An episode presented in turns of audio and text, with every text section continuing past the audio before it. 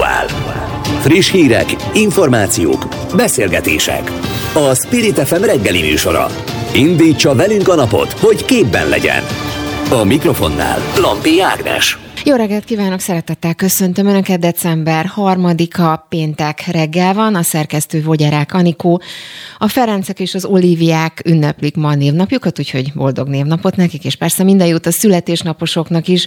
Mindjárt Balkóci Balázsral, a DK szóvivőjével kezdünk vele arról, hogy hogyan figyelhetik meg ellenzéki politikusokat, ahogy erről a sajtóban olvashattunk. A témát egyébként most Tummer Jánossal, a Parlament Nemzetbiztonsági Bizottságának elnökével is folytatjuk. Vele arról is beszélgetünk majd egyébként, hogy a pandémia miatt sokan nem jutnak kórházi ellátáshoz. Aztán arról is beszélgetünk, hogy csatlakozott az LMP-hez az az orosz Bernadett, akit arról ismert meg az ország, hogy a párja brutálisan bántalmazta. Kérdés, hogy vajon miért szállt be a politikába, mit remélettől és miért pont az LMP-t választotta. Aztán a lélek vakcináról is szó lesz, Újhely István kérdezem majd erről, szerinte ugyanis csak szavakban volt együttműködő a kormányzat a koronavírus tanulókra gyakorolt mentális hatásainak csökkentéséről, és szó lesz az önkormányzati forrás elvonásokról is, erről majd Csőzik László érpolgármesterével beszélgetek. Spirit FM 92.9 A nagyváros hangja Ellenzéki politikusok megfigyelésére kapnak megbízást magánnyomozók fideszes köröktől, írja a HVG. A lap szerint egy magánnyomozó által készített készjelentés egy másfél millió forint között mozog. Szerintük nem csak a célszeméről, de annak családtagjairól is kiderülhetnek olyan információk, amelyeket egy politikai kampányban fel lehet használni a célszemély lejáratására. Barkóci Balázsal a DK szóvivőjével beszélgetünk. Jó reggelt kívánok! Kezdő csak jó reggelt kívánok, köszöntöm a hallgatókat. Hát a fő kérdés most akkor ezek után az, hogy mondjuk önöknél vagy bármelyik más ellenzéki politikusnál kiderülhet-e valami, amit mondjuk esetleg ezek a titkosszolgálatok magánnyomozók felderítenek, kiderítenek, vagy akár a családtagoknál. Mire számítanak? hát ez jó kérdés. Uh, ugye legjobb tudomásunk szerint a köztársasági elnök úr áprilisra fogja kiírni a következő parlamenti választásoknak az időpontját.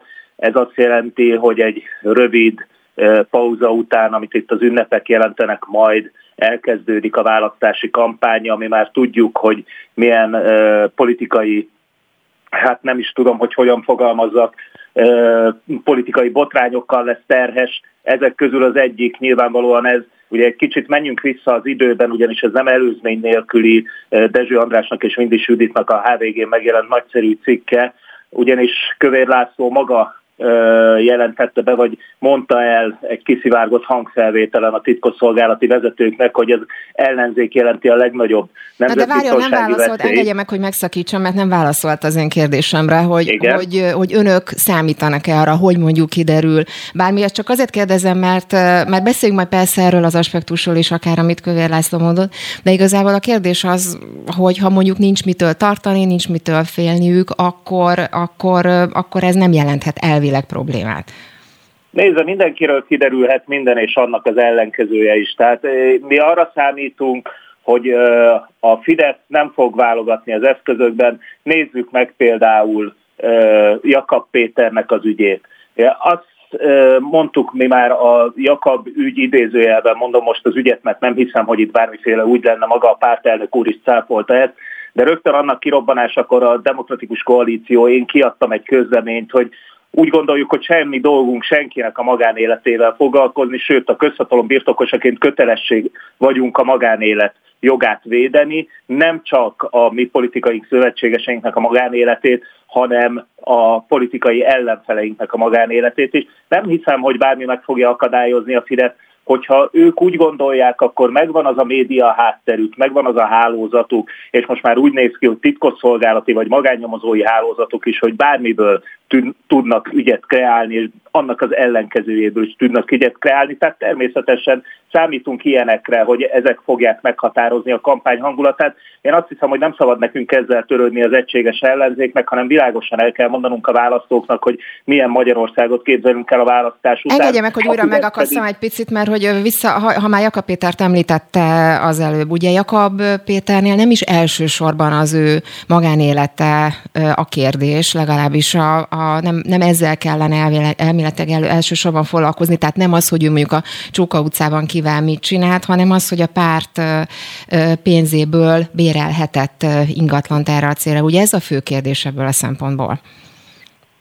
Nézd a szerkesztő azt, hogy lehet, hogyha ön hírolvasóként, vagy én hírolvasóként, vagy olyan emberekként, akik nap mint nap a hírek áradatában élünk, és tulajdonképpen nagyobb rálátásunk van a politikára, azt mondja, hogy ez a fő kérdés, de hát nyilvánvalóan elsődleges ügyként a médiumokban Jakab Péter magánélete szerepelt, ahogy én annak idején egyébként nagyon sajnáltam, hogy a, a, a Adida, a Didit és a különböző ikreknek a a tévéfelvételei elvitték a borkai ügyet egy olyan irányba, ahol már nem arról beszéltünk, hogy Győr volt polgármesterének honnan volt pénze arra, hogy az Adrián jaktozgasson az ügyvédjével, és egyébként, hogyha sem a tiszteletdíjából, sem a magánvagyonából ezt nem finanszírozhatta, sehol nem tüntette fel. Tehát nem egy korrupciós ügyről beszéltünk, hanem egy szexbotrányról beszéltünk. Én azt hiszem, hogy ez a médialogikának a sajátossága, hogy egy olyan képet kell mutatni a közvéleménynek, ami jobban beleég az emberek retinájába, és valóban lehetséges, hogy az ügynek van egy ilyen másodlagos vonulata, de az elsődleges vonulat az nyilvánvalóan elsősorban az, hogy az ellenzék egyik legnépszerűbb pártjának, a Jobbiknak a pártelnökét megpróbálják lejáratni egy kreált magánéleti botrányjal. Ja, ön úgy tekint akkor erre az ügyre, hogy ez egy kreált történet? Tehát azok a, hát hogy mondjam, bizonyítékok, amiket látni lehetett tényleg a sajtóban, akkor ez, ez egy kreált ügy? Így van, valóban egyébként Jakab Péter is ezt mondta meg, hogy bíróságra is megy, de akkor ezek szerint ez, ez egy teljesen kreált ügy? Hát nézd a szerkesztő, aztán ilyen semmilyen bizonyítékot nem láttam egy közös fotón kívül, ami készülhetett bárhol és bármilyen szituációban. Erre próbálta meg ráhúzni a, a Fidesz ezt az ügyet, de onnan nem menjünk tovább, nem menjünk el Jakab Péter és Jakab Péter magánéletének az irányába. Egyrészt már szerintem senkinek semmi köze hozzá, másrészt pedig pártelnök megnyugtatóan cáfolta azt, amit szerintem nem is kellett volna cáfolni, mert hát teljesen egyértelmű, hanem mondom itt a legnagyobb problémát valóban az jelenti, hogy a, az országgyűlés elnöke az egyik legfőbb közjogi méltósági kiszivárgott hangfelvétel szerint utasítást adott a titkosszolgálatoknak arra, hogy figyeljenek meg ellenzéki politikusokat, és mi úgy gondoljuk, hogy ez sokkal több elszólásnál és rossz fogalmazásnál nem véletlenül, amíg ki nem pattant az ügy, Kövér Lászlónak a honlapján nem lehetett megtalálni ennek a beszédnek a leíratát, hova tovább azt se lehetett megtalálni a naptárjában, hogy ő találkozott nemzetbiztonsági vezetőkkel, mert hogy mi úgy gondoljuk, hogy a titkos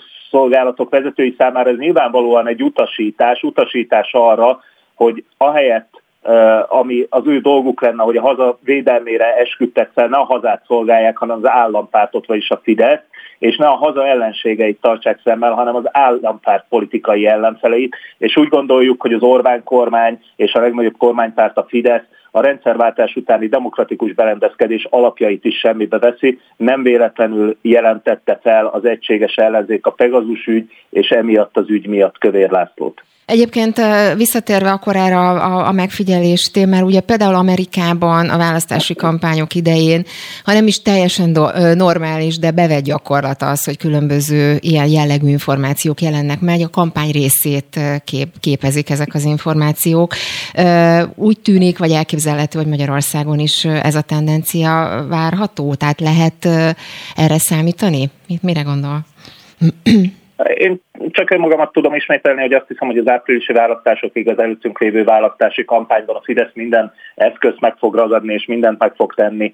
Legyen az legális, illegális, legyen az nyilvános vagy titkos, hogy lejárassa a politikai ellenfeleit, és itt nagyon fontos a megfogalmazás, hogy itt lejáratásról van szó, tehát nem különböző jövőképek, ideológiák, elképzelések ütköztetéséről, ami egy rendes kampánynak a része kellene, hogy természetes része kellene, hogy legyen. Ha már csak azt nézzük, hogy Fidesz 11 éve nem hajlandó kiállni az ellenzék aktuális vezetőjével, vagy ellenzéki politikusokkal vitatkozni, amit tényleg arról lesz szó, hogy megpróbálnak mindenkiről, mindenkinek a magánéletéből előkaparni valamit. Ezért mondtuk mi ezt ebben a sajtótájékoztatóban, aminek kapcsán most önök is felhívtak, hogy szeretnénk tájékoztatást kapni, hogy hány ellenzéki politikus figyeltetnek meg egyrészt a titkosszolgálatokkal, másrészt magánnyomozó cégekkel, és kik ezek az ellenzéki politikusok, mert hogy úgy gondoljuk, hogy világos a helyzet, akár a titkosszolgálatokat kéri fel az állampárt, hogy megfigyelje az ellenzék vezetőit és politikusit, itt akár magánnyomozókat bérel fel erre a célra,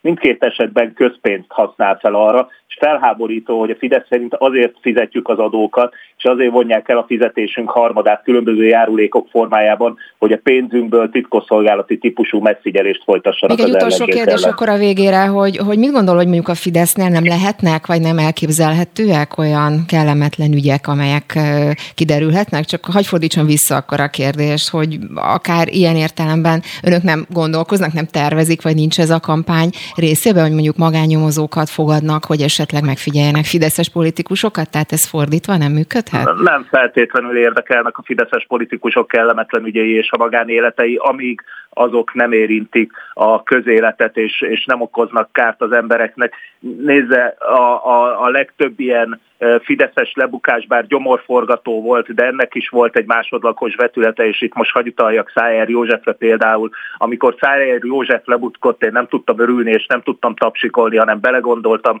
hogy ez az ember azzal, hogy saját bevallása szerint egy vonatút alatt a táblagépen írt meg egy olyan alaptörvényt, amely magyar emberek, tisztességes magyar emberek és családok ezreinek az életét nyomorítja meg, olyan politikai bűnt követett el, ami miatt már régen nem lett volna helye a közéletben. Mi egyébként az ellenzék részéről, és remélem, hogy a többi párt nevében is beszélhetek, arra készülünk, hogy egy olyan víziót, jövőképet tárjunk a választók elé, hogy nem ez lesz a kérdés, hogy kinek milyen a magánélete, vagy mit csinál szabad idejében, mit csinál a közvélemény figyelmén kívül, hanem az, hogy ne tehesse többé tönkre az országot a legnagyobb állampárt és szövetségese a KDNP, hanem végre április után egy tisztességes magyar köztársaságot tudjunk újraépíteni. Barkóci Balázsnak a DK szóvivőinek köszönöm szépen, hogy mindezt elmondta. Szép napot kívánok Önnek. Én is köszönöm, ezért sokkal viszont hallásra.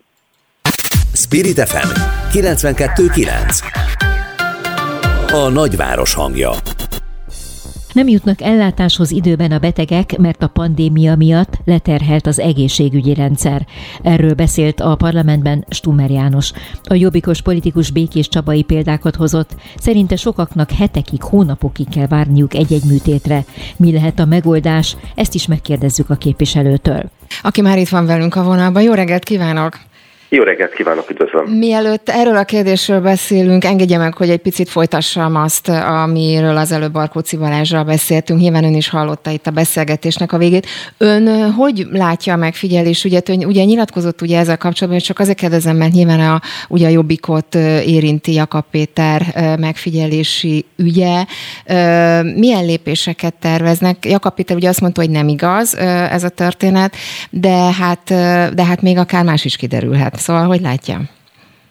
Én azt az információt kaptam, hogy Jakab Péter minden azzal kapcsolatban ö, nyilvánosságra hozott, vagy sajtóban, kormánymédiában megjelent ö, ö, cikkel kapcsolatban feljelent, illetve feljelentést fog tenni, illetve perelni fog pontosabban, amik a, az ő az ő életét vagy magánéletét hátrányosan érintették, illetve hazugságot állítottak vele szemben. Egyébként én a Nemzetbiztonsági Bizottság vezetőjeként én azt nem tartom életszerűnek, hogy konkrétan titkos szolgálatokat vetnének be egyébként ellenzéki politikusokkal szemben. Azt sokkal inkább annak tartom, hogy bizonyos kampányguruk a Fideszben magánnyomozókat fogadnak, és hát állítanak rá ellenzéki politikusokra, és próbálnak olyan terhelő adatokat gyűjteni, vagy kreálni és itt azért ez mindenképpen fel szeretném hívni a figyelmet erre a veszélyre.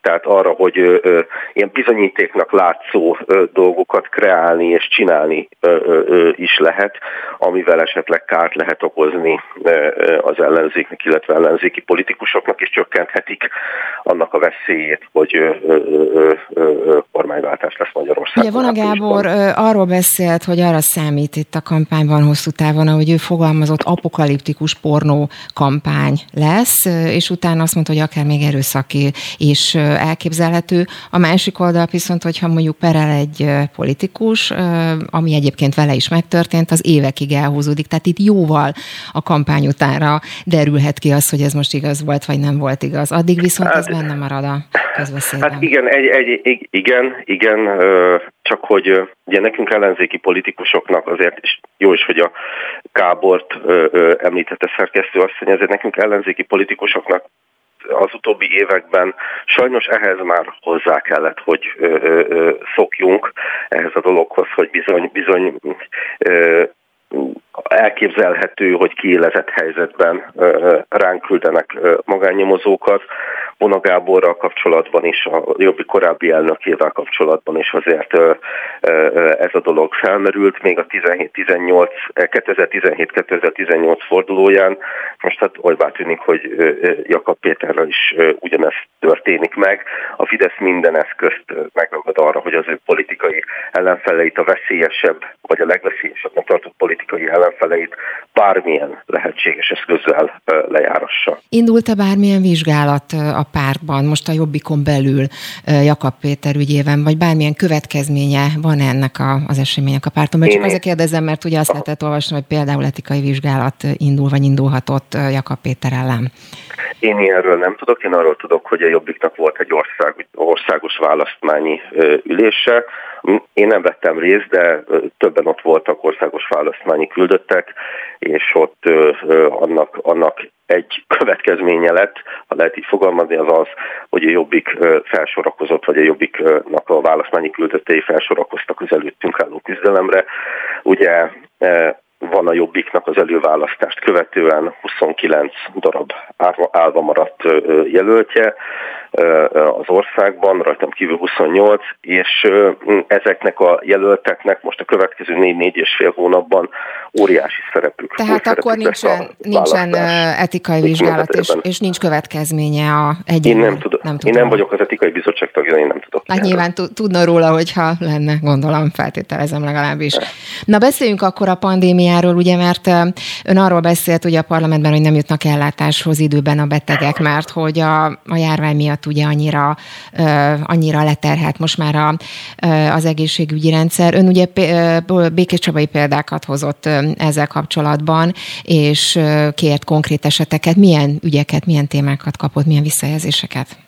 Hát igen, én Békés Csabán fogok indulni az országgyűlési választáson, így az ittenieket kérdeztem meg arról, hogy november 15-től kezdődően, amikor megszűnik, megszűntek itt a tervezetben nem sürgésségi beavatkozások a Békés Csabai Kórházban, ezek az én honfitársaimat, az ittenieket hogyan és miben érintette hátrányosan ez a, ez a rendelkezés, és amint megkértem őket rá, hogy küldjék el ezeket a személyes történeteket, tényleg egyik pillanatra a másikra árasztották el az az én postafiúkomat olyan személyes történetek, borzalmasabbnál borzalmasabb ügyek, amelyek tényleg egészen szívszorítóak e, voltak. Tudna esetleg egy-két ami... konkrét ügyet, mert nyilván név nélkül természetesen csak egy-két konkrét egy ügyet. Diali, egy, dia, egy, dialíz, egy, egy dialízises úr például hónapok óta majdnem fél éve vár arra, hogy egy 30 centis csövet, ami a, a, a nyakából lóg ki, azt kicseréljék egy a karjába elhelyezendő fisztulára, hogy azon keresztül tudják ezeket a művese kezeléseket lefolytatni. Na most erre, erre a, ez, egy, ez egy viszonylag egyszerű beavatkozás, és már jó pár hete vár erre, hogy erre lehetősége legyen, de november 15-e után erre, erre, erre nincsen és nem lesz módja például. Vagy egy, vagy egy másik példát, szoros a műsoridő, tényleg körülbelül délután kettőig lehetne sorolni, tényleg annyi ügy van, ami ide került elénk. Egy másik hölgynek, egy, aki egy nőgyógyászati nagyműtétre várt már hetek óta, ő öt hónapja él a leszakadt műhé, méhével együtt, és, és ö, neki azért fújták le, azért fújták le a beavatkozását, vagy azért kérték továbbra is a türelmét, mert hogy nem volt ö, hadra fogható anesztes altató orvos a Békés Csabai Kórházban, és tényleg lehetne még sokáig ezeket, ezeket, a, ezeket az ügyeket sorolni. Amit én tettem ezekben az ügyekben az az, hogy mindegyik ügyet egyenként vittem képviselői kérdés formájában a Kásler Miklós miniszter elé. Mit gondol egyébként, a... hogy mit lehetne konkrétan az egészségügyben ezzel kapcsolatban lépni, ugye mert most nagyon-nagyon komoly a szakember hiány, ugye átcsoportosítások vannak, az orvosok ugye átkerülnek a COVID osztályokra, hiszen nyilván most az a első és legfontosabb, hogy, Hatal, hogy a covidos betegeket megmentsék a, a óriási, óriási szakember, szakorvos hiány van, óriási ö, növérhiány van ezekben, a, ezekben az Mit intézményekben. Tenni, ahhoz, hogy a, ahhoz, hogy a, ahhoz, tehát a, a, a, mentőket, a mentőket irányítanak át ügyeletre innen Békés megyéből Budapestre, tehát hogy Budapesten legyen elég mentő, ezért innen Békés megyéből kell nem csak a Békés Csaba, hanem a többi Békés megyék kórházból is időről időre fölküldeni Pest Pestre, hogy ott lássanak el szolgálatot. Mondok egy másik példát, a, a koraszülöttek gondozása az most jelen pillanatban a megyében nem megoldott. Ugye minden koraszülöttet legalább egy éves koráig minden hónapban egyszer be kell vinni a gondozóba, és meg kell nézni ezeket a gyerkőceket, ezeket a csöpségeket, hogy rendben fejlődnek-e. Most jelen pillanatban Békés megyében szakorvos hiány miatt erre sehol nincsen lehetőség. A kérdés Minden az évben... továbbra is az, csak bocsánat, csak tényleg mindjárt be kell, hogy fejezzük, hogy mit lehet önök szerint a megoldás, mit lehetne akkor a helyzetben tenni? Egyszerűen olyan, feltételeket, olyan feltételeket kell teremteni, hogy az orvosok, a szakorvosok azok ne szökjenek el a magánellátásba, és ne ott ö, ö, akarjanak ö, dolgozni, hanem maradjanak itt az állami ö, ö, egészségügyben, és hát azok, a, azok az orvosok pedig, akik itt hagyták ezt a szektort, itt hagyták ezt az országot, azok, azok jöjjenek haza, és, és ezt itt, itthon dolgozzanak ezekért a betegekért, akik az egész életükben fizették minden hónapban tisztességesen a társadalom biztosítást, azok az emberek megint kaphassanak tisztességes orvosi ellátást. Hát azt hiszem, hogy lesz tennivaló, vagy lenne tennivaló. Beszélünk majd még erről Stummer Jánosnak, a Jobbik országgyűlési képviselőjének és a Nemzetbiztonsági Bizottság elnökének. Köszönöm szépen, hogy mindezt elmondta. Szép napot önnek, viszontlátásra minden Aktuál. Friss hírek, információk, beszélgetések. A Spirit FM reggeli műsora. Indítsa velünk a napot, hogy képben legyen. A mikrofonnál Lampi Ágnes. Csatlakozott az LMP-hez az az orosz Bernadett, akit arról ismert meg az ország, hogy párja brutálisan bántalmazta. Az ügyben nemrég volt vádemelés, így hamarosan kezdődnek a tárgyalások. Orosz Bernadett azt mondta, szívén viseli a bántalmazott emberek sorsát, de magányos harcosként elérte a korlátjait. Mit szeretne elérni, és miért az LMP-t választotta, ezt is megkérdezzük tőle. Így van, jó reggelt kívánok! Jó reggelt kívánok! Hát tényleg sok kérdés van ugye önnel kapcsolatban, felkaptuk mi is a fejünket arra, hogy beszáll a politikába. Mit szeretne elérni azzal, hogy a hardcore politikába bevetette magát? Aztán ma beszéljünk majd arról is, hogy miért pont az LMP. Hát igazán azért az LMP, mert ugye több párt is megkeresett, de ők álltak ki a kezdetektől, az egyik legaktívabban mellettem a közügy képviseletében, és helyi szinten Miskolcon egyedül ők ajánlották fel a segítségüket. Melyik párt kereste még meg egyébként?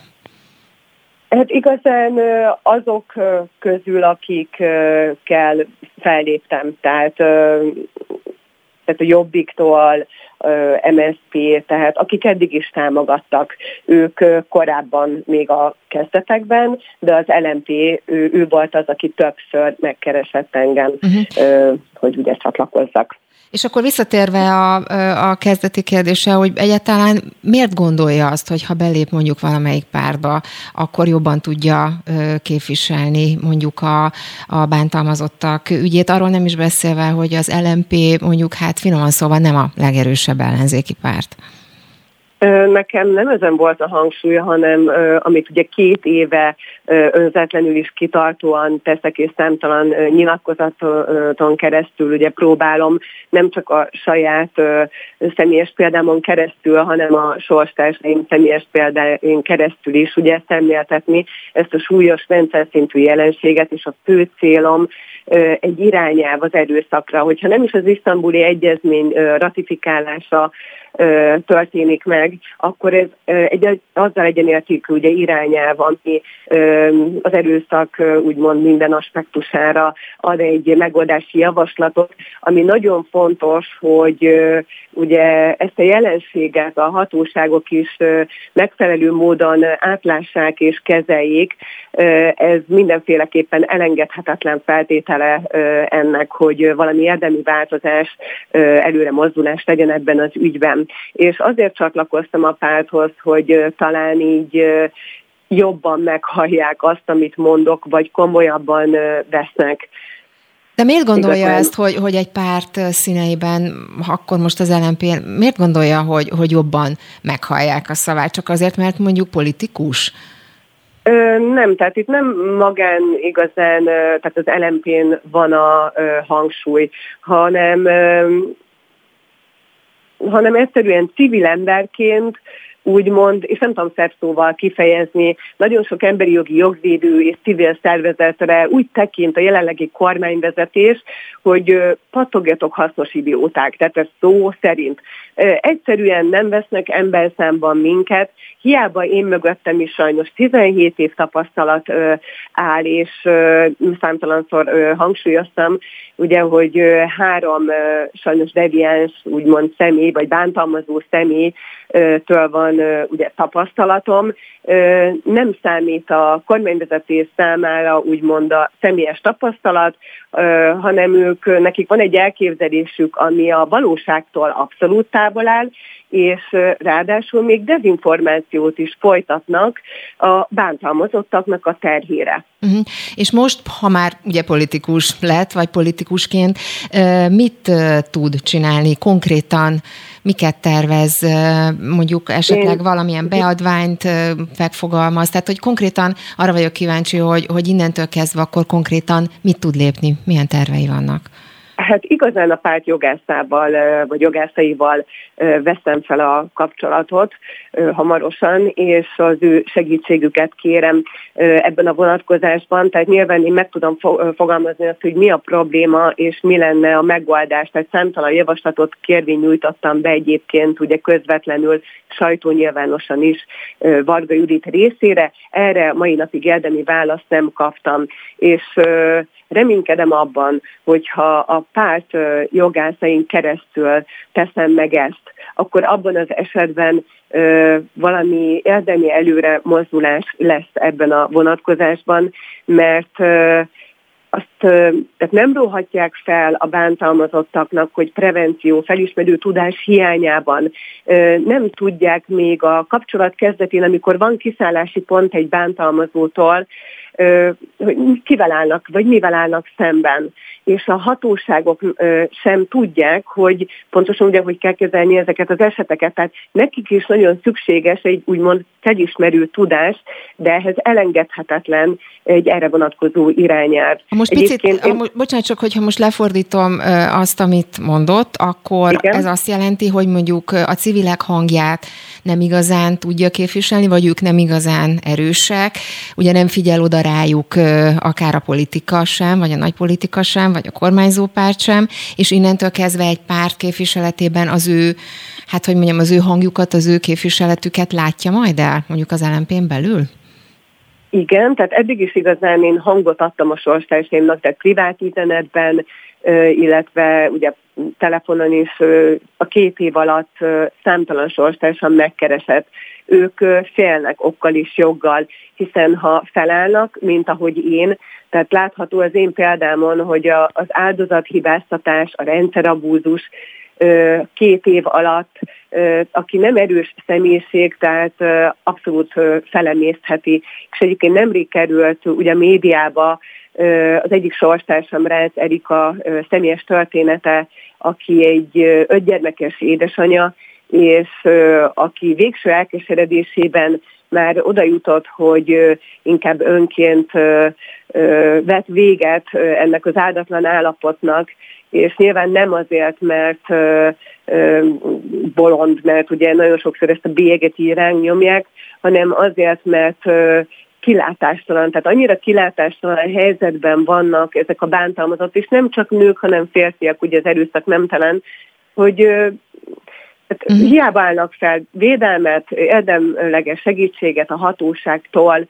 nem kapnak, és maguk nem tudják megoldani ezt a problémát. Tehát Lehetetlen. akkor erre célzott az előbb, amikor azt mondta, hogy rendszer abúzus van, vagy ez ezt jelenti, amire az előbb célzott, vagy ez mit jelent konkrétan? Így van, tehát a rendszer részéről is egyrészt ugye azt mondják, hogy hibáztatnak, hogy miért nem álltunk fel időben.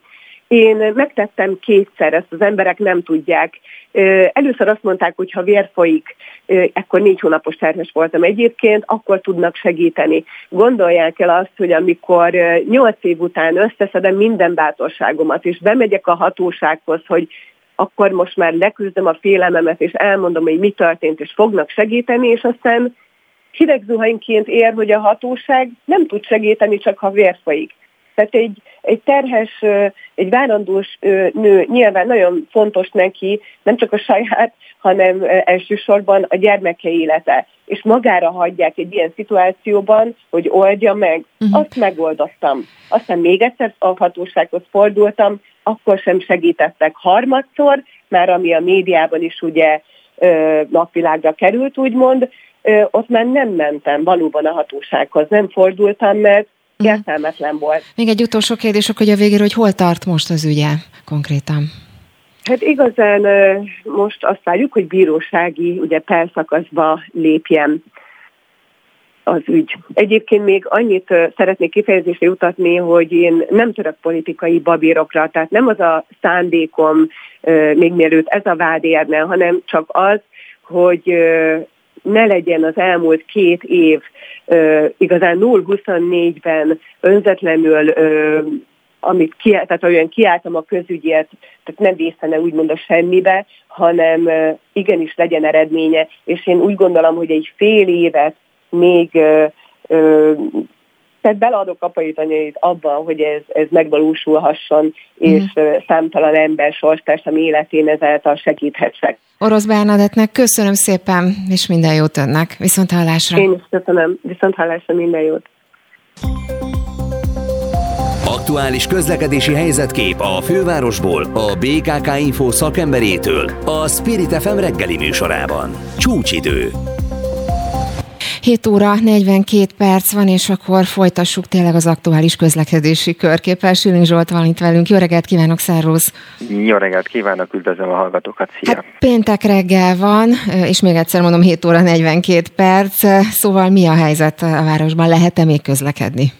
Azt kell mondjam, hogy sokkal jobb, mint az előző napokban. Ugye szokásos helyeken torlódás van ugye az autópályák bevezető szakaszén, ugye az M1 autópályán és az M3-as autópályán is, de sokkal gyérebb a forgalom, mint szokott lenni. A belvárosban szokásosan lassan lehet haladni, ugye a Rákóczi úton, a Blaha Luisa tértől a múzeum körúton, az Asztória felé, a Zsilinszki úton is, az Andrási úton is.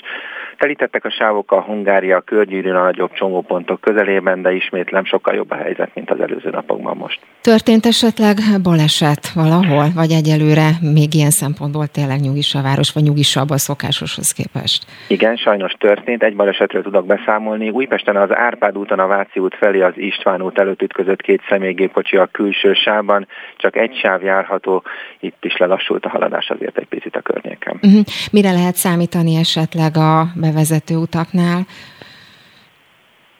Jobb a helyzet, csak el tudom ismételni magam, hogy az M3-as autópályán a Szerencs utca előtt áll meg egy kicsit a sor, illetve a kacsó úti felüljárónál, az m 1 autópályán pedig a gazdagéti felhajtótól most, az m autópályán pedig a határúttól lassabb a haladás. Ugye jelenleg. nagyon szép látvány, hogy elindult a karácsonyi villamos, ha jól tudom, akkor most már két napja közlekedik. Mik a visszajelzések ezzel Így kapcsolatban? Van.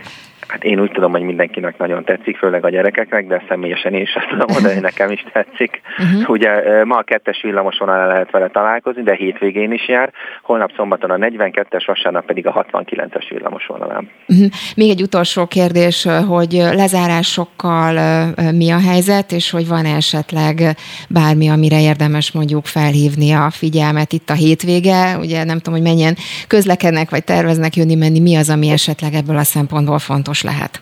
Hát ugye valószínű, hogy a bevásárlóközpontok környékén és a belvárosban ugye erősebb forgalom szokott lenni ilyenkor, de ami jó, hogy uh, sűrítik a járatokat, tehát sűrűbben fog közlekedni szombaton és vasárnap is a 4-es és a 6-os villamos, a 17-es villamos, illetve a 80-as trollibusz is. Schilling Zsoltnak köszönöm szépen a friss információkat, és ahogy a hallgatók is már tudják, egy óra múlva újra beszélünk, és akkor meglátjuk, hogy hogyan alakult a helyzet. Addig is köszönöm szépen, Szároz. Rendben, köszönöm, sziasztok! Spirit FM 92.9 A nagyváros hangja nem csak az iparűzési adó miatt kiesett pénz hiányzik az érdi önkormányzat kasszájából, hanem a pandémia miatt további többletkiadásaik is voltak. A polgármesteri hivatal dolgozóit hetente tesztelik, és érden oltópontot hoztak létre, amelynek költségeit szintén az önkormányzat fizeti az állam helyett. Hogy tudnak gazdálkodni, és van-e eredménye ezeknek az intézkedéseknek? Csőzik László polgármester van a vonalban. Így van, jó reggelt kívánok! Jó reggelt kívánok, köszöntöm a hallgatókat. Na hát tényleg ez a kérdés, ugye tegnap is pedzegettük már ezt a témát, tegnap is itt volt nálunk adásban, hogy hogyan tudnak gazdálkodni, mert hogy tényleg itt beszélünk akkor az iparűzési adóról, ez a, ez a kiesett pénz nyilván nagyon hiányzik a költségvetésből.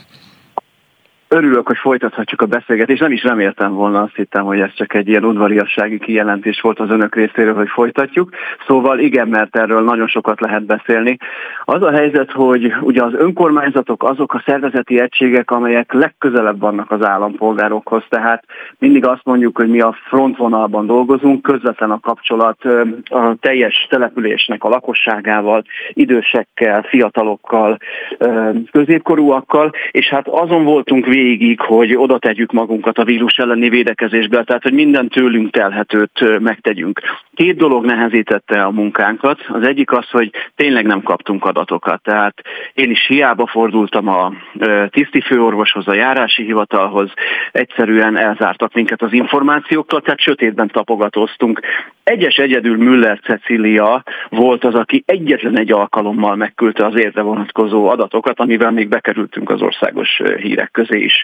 Uh-huh. Aztán a, a, másik, a másik ilyen probléma az az volt, hogy szemben azzal a megoldással, amit Nyugat-Európa több országában alkalmaztak, hogy az önkormányzatokat kezdték el dotálni, hiszen, ahogy mondtam az előbb, mi vagyunk igazán ott az emberek között. Nálunk pont fordítva történt, tehát nálunk elvonások, bevétel kiesések keletkeztek, jöttek létre, amelyek rendkívüli módon megnehezítették a, a dolgunkat. Már csak azért is, mert egyszerűen nem lehetett kalkulálni azzal, hogy, hogy effektíve a csőd felé vágtatunk-e, tehát bekövetkezik-e a fizetésképtelenség állapota, mennyi pénzt tud jutni a járvány elleni védekezésre, egyáltalán mi a feladatunk, majd, hogy nem teljesen magunkra voltunk hagyva, és a tetejében a végén kaptunk egy csomó hatáskört is a kormánytól, aminek én egyébként nagy barátja vagyok, mert ha valaki polgármesterségre adja a fejét, akkor azt szeressen dönteni, irányítani, vezetni, a, különösen a nehéz helyzetekben. Beszéljünk de rótak ránk felelősséget is, igen. E, igen, csak ugye a tegnapi, és akkor folytassuk már picit itt a beszélgetést, ugye, meg a bejátszóban is elhangzott, hogy érden ugye oltó pontot igen. hoztak létre, és tegnap ön azt ígérte, hogy esetleg fog tudni mondani konkrét adatokat igen. az átoltsottságra vonatkozóan. Tud-e esetleg valami konkrétumot mondani erről? Tehát, hogy mennyire hatásos ez a módszer, amit, ez a helyzet? A, a, amit, amit el tudok mondani, ugye Érd az Pest megye legnagyobb városa, Magyarország tizedik legnagyobb legnagyobb vidéki város, ami 75 ezeren vagyunk, tehát ez úgy nagyjából irányadó lehet egy ilyen vidéki nagyváros szempontjából, hogy meddig tudunk eljutni. Amit én konkrétan tudok, az a közfoglalkoztatottak közötti átoltottságnak az aránya, ugyanis amikor megkaptuk azt a hatáskört, hogy döntsünk a fölött, hogy elrendeljük-e a kötelező oltást, például a városházán vagy a városgazda cégnél, stb., akkor totálisan magunkra voltunk hagyva, mert mondtam, nem volt adat. És akkor ugye Uh, van ez a bűvés, bűvös szó, hogy tehát GDPR. most van adat, van adat most tehát nem konkrétan? Tudom, van, a, adatokat tehát begyűjtöttük, 86% volt 3-4 héttel ezelőtt az átoltottság mértéke a közfoglalkoztatottak között, ez egy ilyen 1000-1500 fős populáció, ami már reprezentatív. Ez azóta szerintem nőtt, ugye, mert elindult a, a harmadik oltásoknak a, a nagyobb arányú igénybevétele, és én beszéltem akkor telefonon Merkeli Béla professzor úrral, mert nagyon fontos volt a döntéshozatalnál, hogy legyen kötelező, ne, ne legyen kötelező oltás, hogy ezt hogy kell kezelni. Ugye ő hosszasan fejtegette azt, hogy a delta variáns esetében a nyáj immunitás aránya szemben a korábbi 60%-kal már 80% fölött van, és nagyban számított a döntésben, hogy nálunk föl meg 80% két, fölé. Két kérdés még, amit mindenképpen szeretnénk megkérdezni, ugye, hogy az oltó pontok esetében, illetve a heti teszteléssel kapcsolatban, ami a hivatalban Igen. történik.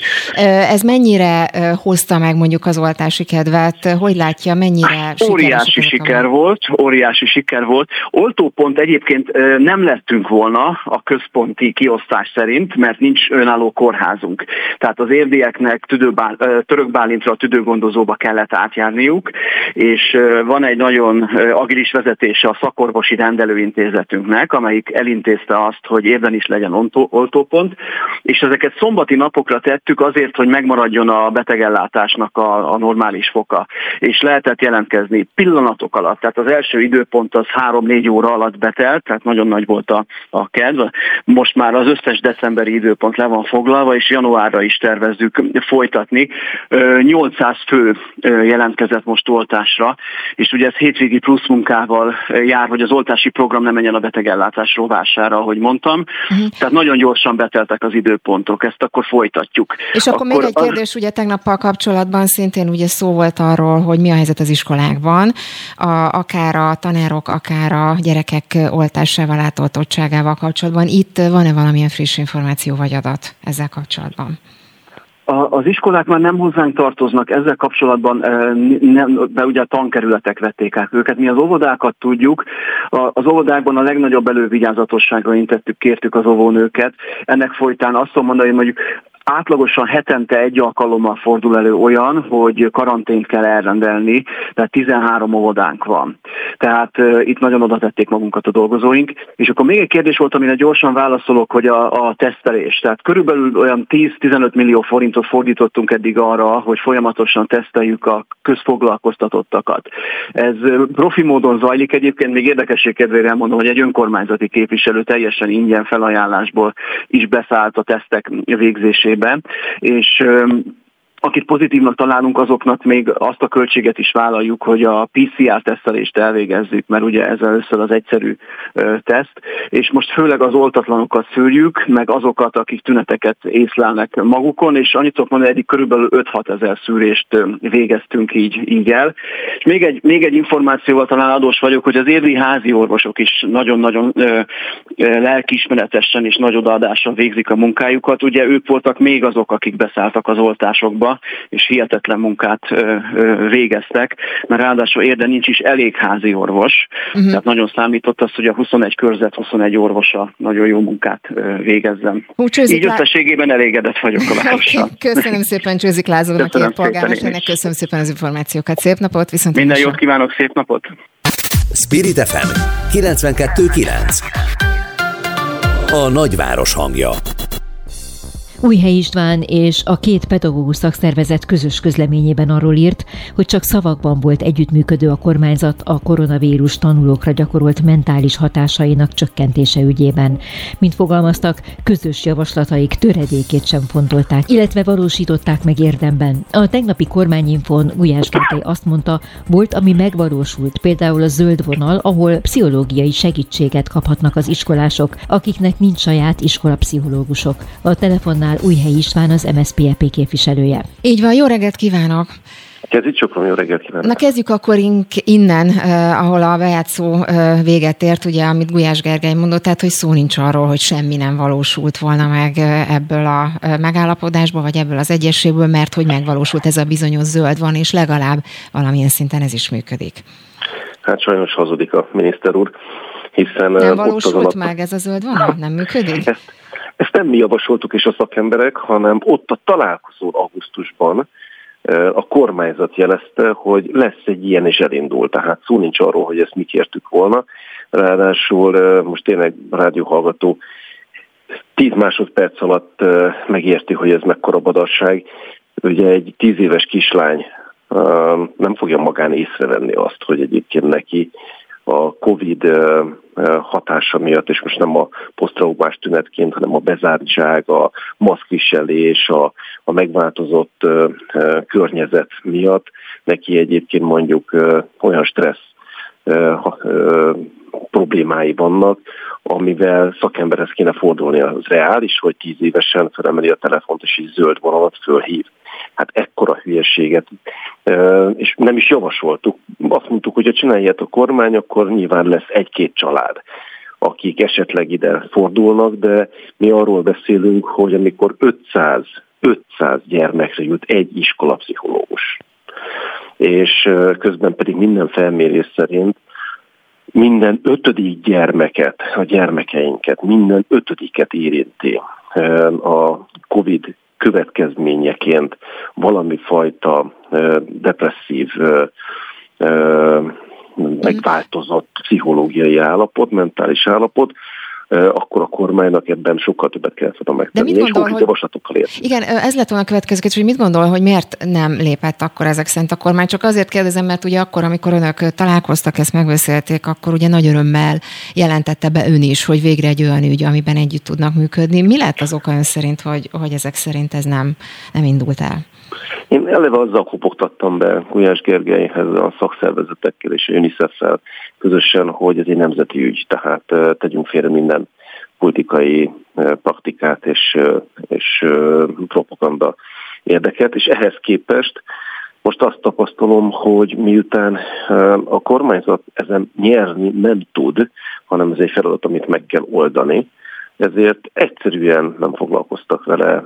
Hogyha bele tetszik gondolni, hogy ebben az esetben mondjuk a kormánynak úgy kellene pénzt és energiát szánni egy feladatra, hogy az semmilyen módon nem látszik, sőt, be, kellje, be kellene vallja, hogy az oktatásban, a pedagógusok felkészítésében, vagy éppen a Covid-dal kapcsolatos kormányzati felelősségvállalásban keveset teljesített az elmúlt egy másfél évben, ez egyszerűen nem illik bele a kormányzati sikerpropagandába, és ezért nem hajlandóak semmit sem lépni, ezért nem csináltak semmit, és mondom még egyszer, nem önmagában egy ellenzéki európai parlamenti képviselő, aki a közegészségügyi bizottság tagja, tehát nem önmagában az én javaslataimat seperték le, hanem itt a pedagógus szakszervezetek és a UNICEF-fel közösen megfogalmazott konkrét pontjainkat. Uh-huh. Akkor gyorsan még egy kérdés a végére, ha már, ha már beszélünk, ugye, mint EP képviselőtől, hagyd kérdezzem már meg, ugye megjelent az Európai Unió bíróság főtanácsokának az állásfoglalása, ugye arról, hogy el kell utasítani Magyarország és Lengyelország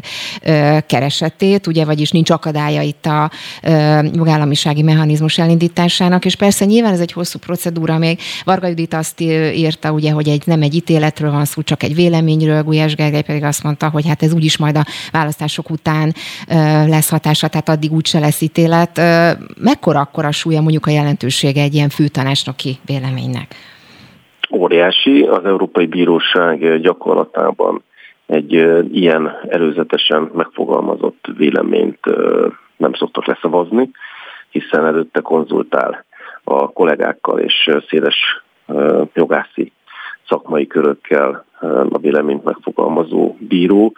Ráadásul nem hinném, hogy egyszerre fog tévedni, tévedni az Európai Bíróság előadója, és három Európai Uniós intézmény jogi szakszolgálata, hiszen az Európai Bizottság, az Európai Parlament és az Európai Tanács jogi szakszolgálata is jogilag teljesen érvényesnek ítélte a meghozott jogszabályt. Itt egyszerűen arról van szó, hogy Orbánék húzták az időt, sikerült majdnem egy évet, hiszen az év elején, februárban adták be a keresetet, és valamikor januárban lehet végérvényes döntés. Sikerült egy évet nyerjenek, de közben pedig a forrásaink be vannak fagyasztva. Több száz milliárdot nem kaptunk meg. Igen, meglátjuk akkor miatt. még, hogy hogy alakul. Nagyon szépen köszönöm Újhely Istvánnak, hogy mindezt elmondta. Szép, Szép napot önnek. Viszont hallásra minden jót. Aktuál. Friss hírek, információk, beszélgetések. A Spirit FM reggeli műsora. Indítsa velünk a napot, hogy képben legyen. A mikrofonnál Lampi Ágnes. Így van, jó reggelt kívánok, 8 óra 7 perc van, már folytatjuk tehát az aktuált. A szerkesztő Vogyerák Anikó.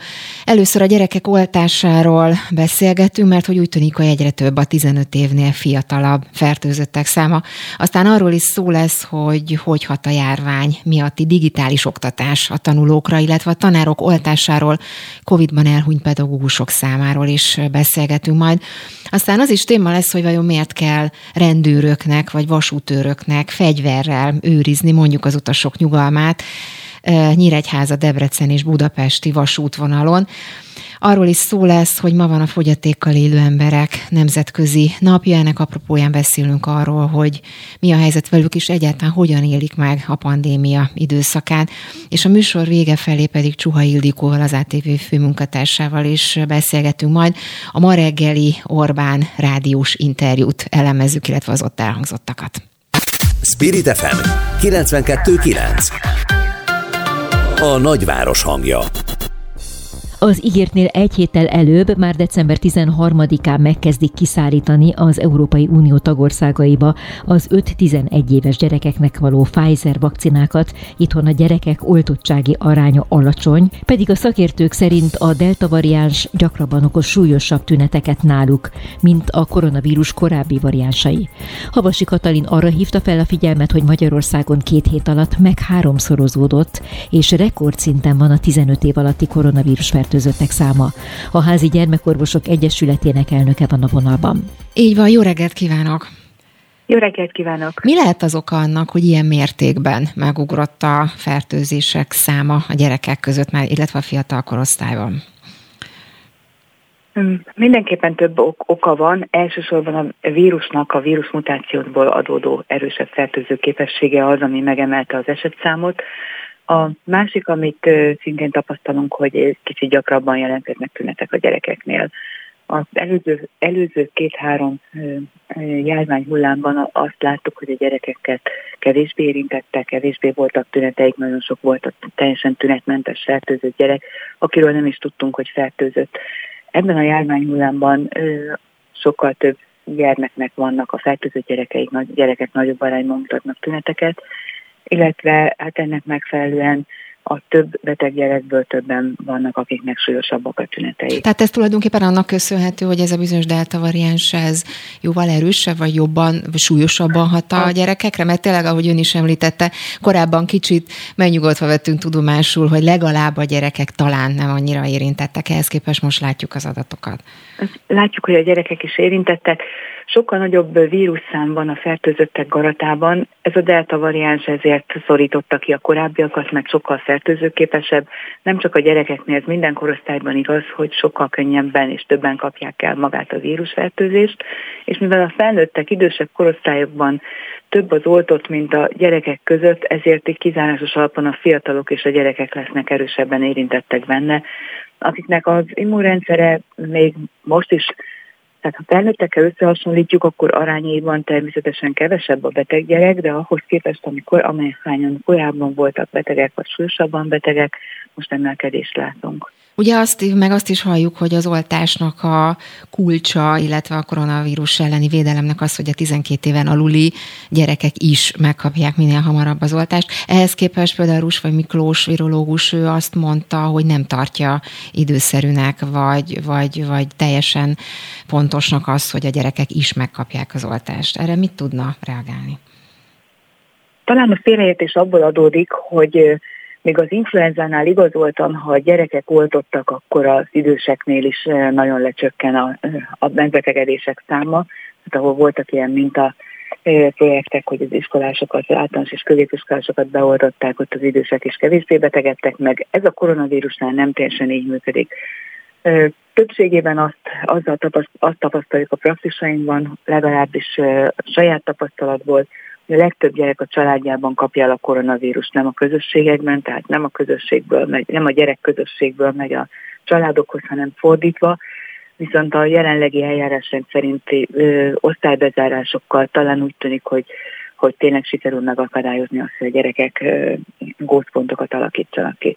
Viszont viszont a családokon belül, a társaságon belül felnőttektől, oltatlan felnőttektől a gyerekek is elkapják, és ők is komolyabb fertőzésen esnek át. A gyerekeket azért kell oltani, mert egyrészt az utcákban akár kórházba is kerülhetnek, nagyon kellemetlen tüneteik lehetnek. Oltani kell őket, mert akár az enyhe lefolyású betegség után is kialakulhat egy súlyos életveszélyes sokszervi gyulladás, és azért is oltani kell őket, mert a long covid a hónapokra, akár fél évre, talán tovább is életet megnehezítő, mindennapi életet megnehezítő tünetek gyerekeknél is megjelennek, és ez egy nagyon nagy szám, korábbi variánsok után is több száz gyereknél jelent meg. A mostani a delta variáns, sokkal fertőzőbb delta variáns után csak reménykedünk, hogy nem emelkedik meg ennek a száma is, de a valószínűség elég nagy. Tehát mindezektől megvédi, megvédeni a gyerekeket még attól is, hogy, hogy a családban esetleg éppen ők adják tovább a fertőzést, és itt a virológussal úgy tűnik, mintha mást mondanánk, de gyakorlatilag ugyanazt mondjuk, hiszen a gyerekek nem a fő fertőző forrás, de megfertőzhetik az immunológialag gyöngébb felnőttet. Nem, talán ami még, ami legalább ennyire fontos, hogy a gyerekek visszakapják a gyerekkorukat. Nyugodtan mehetnek. Tehát ha sikerülne elérni ezt a bizonyos áhított nyáin immunitást, és itt a felnőttek felelősségére hívnám fel a figyelmet, akik saját magukat nem oltatják be, hiszen ők biztosítják a járvány fennmaradását. A gyerekek visszakapják az életüket, a szabadságokat, járhatnak iskolába, pulizni, sportolni, ne, és megszűnik az állandó félelem az életükbe, hogy elkapják a fertőzést, vagy nem. Uh-huh. Nagyon súlyos pszichés következményei lehetnek a karanténnak és a vírustól való félelemnek, és ezek ellen is véd a védőoltás, de nem elég a gyerekeket oltani, a felnőtteknek is fel kell venniük a védőoltást. Havasi Katalina, köszönöm szépen, hogy ezeket az információkat elmondta nekünk. Minden jót önnek, viszontlátásra. Köszönöm én is a lehetőséget, viszontlátásra. Spirit FM 92.9 A nagyváros hangja Rosszul járnak a tanulók a koronavírus járvány miatti digitális oktatással, derül ki egy friss nemzetközi felmérésből, kevésbé hatékonyan tanulnak, nehezebben koncentrálnak, és hiányoznak a társas kapcsolatok. Erről beszélgetünk Gosztonyi Gáborral, illetve arról is kérdezzük a pedagógusok szakszervezetének alelnökét, hogy kaptak-e választ a tankerületektől az adatigénylésükre. Vendégünk Gosztonyi Gábor. Így van, jó reggelt kívánok! Jó reggelt kívánok! Kezdjük akkor az utóbbival, mármint az adat igényléssel, hogy kaptak-e adatokat, és ha igen, akkor miket? Nem kaptunk adatokat. Egészen megdöbbentő dolog történt. November 29-én vasárnap lejárt ugye az a jogszabályok által engedélyezett 45 plusz 45 napos határidő, amivel az adatokat meg kellett volna kapnunk. Ehhez képest az állandóan azt, azt hangoztatják, ugye, hogy a centrumok is és a tankerületek is teljesen önállóak mindenben. Ehhez képest megint egyen leveleket kaptunk. Ez önmagában nem lepett meg minket, mert tavaly, tehát május végén szintén egyenleveleket kaptunk, de abban legalább közölték az adatokat. Most egészen elképesztő módon azt közölték, hogy azt mondja, hogy a kérelemben megjelölt adatok az ön által igényelt szempontok szerint nem állnak a szakképzési centrum rendelkezésére, illetve ezek az adatok a tankerületek rendelkezésére sem állnak ami hát teljesen meglepő és abszurd, mert fél évvel ezelőtt május végén egy korábbi időszakra, de szó szerint ugyanezeket a kérdéseket föltéve még megkaptuk az adatokat. A leg hát ha most tréfás kedvemben lennék, akkor azt mondja, a legviccesebb indoklást a Magyar Államkincstár adta, mert azt mondja, hogy az adatigénylő továbbá nem formálhat jogot arra, hogy helyette más végezze el az egyébként hozzáférhető adatok leválogatását.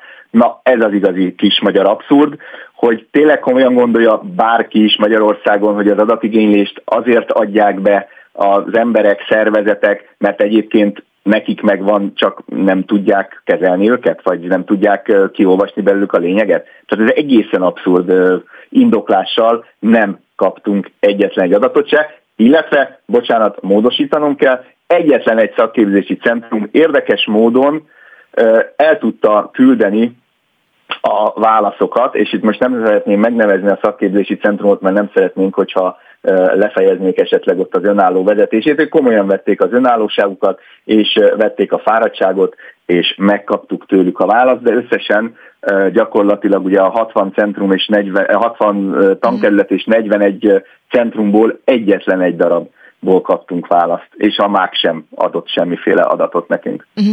Ugye ez azért is nagyon érdekes, amit mond, mert itt, ha, ha jól emlékszem, akkor az első fél évi adatokra vonatkozóan épp nálunk itt a, a Spirit FM-en mondta azt, hogy nagyjából ugye száz, vagy több mint száz pedagógus hallhatott meg az első fél évben. Van bármilyen visszajelzésük önöknek, vagy bármilyen szám vagy elképzelés, hogy mi lehetett, mi változhatott a második fél évben ilyen értelemben? Hát itt elkezd mocorogni az emberben a hátul a kis ördög, hogy vajon miért tagadják meg az adatszolgáltatást. Még egyszer mondom, teljesen szó szerint ugyanazokat a kérdéseket tettük föl. A különbség az, hogy az előző adatigénylés az 2020 szeptemberektől 2020 december 31-ig szólt, a másik, a mostani új adatigénylésünk az pedig 2021. január 1-től 2021. június 30-áig szólt, ami azért nem meglepő, mert mi egy teljes tanévet szerettünk volna látni. Azt tudjuk, hogy ugye a harmadik hullám 2021-től azért megint csak nem kevés problémát okozott, tehát valószínűsíthető, hogy itt olyan adatokat kellene nyilvánosságra hozniuk, amivel már nem magyarázható a járványkezési intézkedések többsége, nem tudunk mást feltételezni. Mindenesetre nem hagyjuk magunkat, tehát tovább fogjuk vinni ezt az, ügyet, ha kell, akkor bíróság útján ki fogjuk perelni az intézményektől az adatokat. Vagyis, ha jól értem, amit mond, sok tanár lehet. Tehát a, most a sok ugye persze ez egy, most egy nagyon-nagyon relatív kifejezés, de, de azt feltételezik ezek szerint, hogy több tanár hallhatott meg?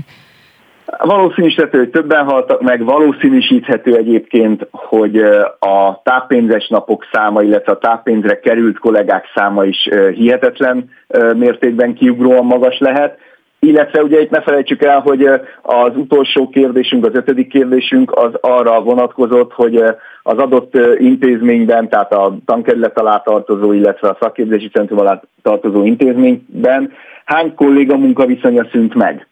Ugye mi ezt is kérdezzük, ebbe benne van az is, hogy hányan mentek nyugdíjba, illetve hogy hányan egyszerűen álltak föl azért, mert azt mondták, hogy ezek az állapotok már tarthatatlanok, számukra vállalhatlanok, és inkább máshol keresik meg a kenyére valót, és egyszerűen itt hagyják a szakmát.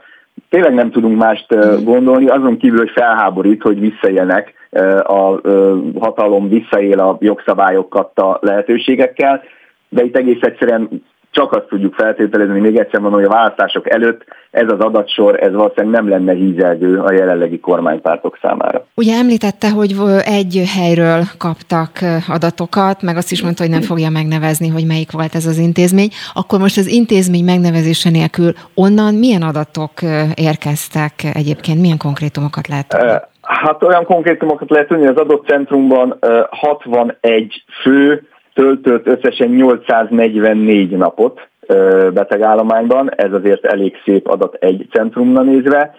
Nyilván, mivel itt szakképzési centrumról van szó, és ugye ezek középiskolák 2020 november közepetájékától 8 vagy 11-től egészen 2021 májusáig ugye online működtek, ezért az nem meglepő, hogy szerencsére ott halálozási eset nem történt, viszont így is, hogy ugye onlineban működtek, így is 12 ember munkaviszonya szűnt meg, és ebből összesen csak heten mentek nyugdíjba. Tehát itt van az, hogy öten valószínűleg pálya elhagyók, de legalábbis a centrumot mindenképpen elhagyták. Uh-huh. És akkor ugye nézzünk egy picit előre a jövőbe, ha ezekből az adatokból kiindulunk, hogyan lesz januártól oktatás? Szóval mire, mire lehet kalkulálni, mire számítanak, mennyien, hogyan tud működni a, a rendszer? Ez egy nagyon nehéz kérdés, mert nagyon szórtak az adatok. Tehát itt átlagról beszélni nem lehet, hogy átlagban mi történik, mert itt intézményenként teljesen más kép áll a rendelkezésünkre. Vannak olyan intézmények, ahol tényleg 95, majdnem 100%-os a nem csak a pedagógusok, hanem a teljes oktatásban dolgozóknak az átoltottsága, ott valószínűleg szerencsére csak idézőjelben az egyébként is jelenlévő pedagógus hiány, illetve az oktatásban be nem töltött állások hiánya okoz problémát. Viszont rengeteg olyan intézmény van, ahonnan kapunk visszajelzéseket, hogy nagyon sokan a fenyegetések ellenére nem hajlandók vállalni az oltást, így nagyon sok helyen lehetnek ellátási problémák, és itt most megint nem csak pedagógusokról beszélek, hanem például egész egyszerűen administratív problémák merülhetnek föl. Van olyan iskola, ahol a három iskolatitkár közül egyik sem hajlandó beoltatni magát, ők valószínűleg januártól nem fognak tudni dolgozni, ha csak meg nem gondolják magukat. Akkor ott az ügyintézés bizony hát pillanatokon belül el fog akadni. Van olyan intézmény, ahol a két igazgató helyettes nem hajlandó beoltatni magát. Itt az egyik ráadásul krónikus betegségben szenved, de az orvosa nem ad erre igazolást neki, ők is föl fognak állni, tehát itt az iskola működése is veszélybe kerül, és akkor nem beszéltünk még arról, hogy igen, a szaktanároknak a hiánya eddig is viszonylag magas volt, ez most meg fog fejelődni, és bizony sok helyen probléma lesz. Csak egy nagyon-nagyon gyors választ vélnék még a végére, hogy ex kijelenthetjük, vagy mondható, hogy esetleg akár össze is romlik az oktatás itt a kötelezőoltás miatt? A teljes oktatás összeomlani valószínűleg nem fog, mert, mert ez egy nagyon nagy rendszer, és a tehetetlenségi erő miatt de azért ez olyan nem így fog, de lesznek olyan intézmények, tehát itt konkrétan intézményekre lebontva kell beszélni, előfordulhat, hogy bizony lesznek olyan intézmények, akik január 3-á úgy tudnak maximum kinyitni, hogy gyakorlatilag csak gyerekmegőrzés lesz, a szakmai feladatokat nagyon-nagyon nehezen fogják tudni ellátni. Gosztonyi Gábornak, a PS alelnökének köszönöm szépen, hogy mindezeket elmondta nekünk. Viszont Én hallásra. köszönöm a megkeresést, viszont hallásra. Spirit FM 92.9 A nagyváros hangja November 29-től rendőrök vagy vasútőrök fegyverrel őrzik az utasok nyugalmát, akkor a reggeli és késő esti Nyíregyháza Debrecen Budapest vasúti járatokon. A VDSS Szolidaritás vasúti szakszervezet szerint a százas vonalon általános jelenség, hogy az este 8 óra után induló vonatokon sok a problémás utas, akik a többi utast is zaklatják. A MÁV start által rendelkezésre bocsájtott testkamera nem minden esetben jelent visszatartó erőt. A részletekről Váci Viktorral a MÁV Navinform sajtóügyeletesével beszélgetünk. Így van, jó reggelt kívánok! Jó reggelt kívánok én is. Hát, elég meglepő volt ez a hír, hogy sok a, hogy mondjam, balhézó utas, és ezért ilyen intézkedéseket kell bevezetni. Hogy kell ezt elképzelni konkrétan, hogy ennyire nem lehet ezt a helyzetet másképp megoldani, és ez mennyire hozhat esetleg majd megoldást? Mármint az, hogy mondjuk rendőrök vagy vasútőrök és szolgálatot teljesítenek majd. Ezen a vasútvonalon, ahogy a felvezetőben is hallottuk, az esti, illetve a hajnali vonatokon bizony sok esetben előfordult, hogy rendőri intézkedést kellett kérniük a jegyvizsgáló kollégáknak. Egyébként a vasútársaság más eszközökkel is felveszi a harcot a renitás utasokkal szemben, hiszen 2019 óta testkamerákat adtunk a jegyvizsgáló kollégáknak, így ezen a vasútvonalon is használják ezt a jegyvizsgálók.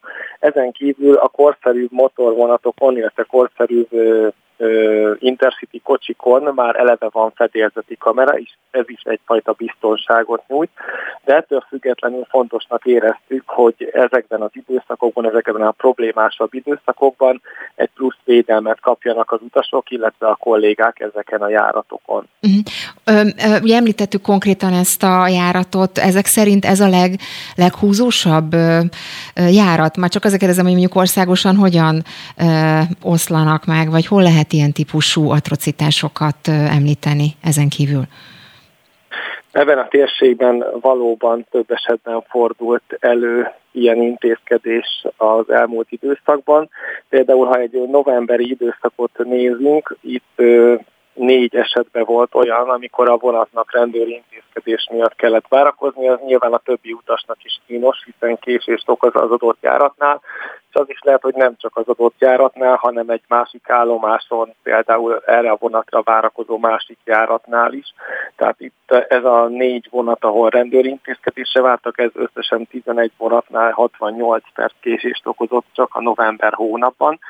Egyébként országos szinten az elmondható, hogy a súlyos konfliktusok száma az egy kicsit csökkent, tehát idén az egy évvel korábbi időszakban tapasztalt 61-hez képest csak 48 atrocitás történt. Az, hogy milyen típusúak ezek a, a különböző olyan események, ami miatt rendőri intézkedés szükséges.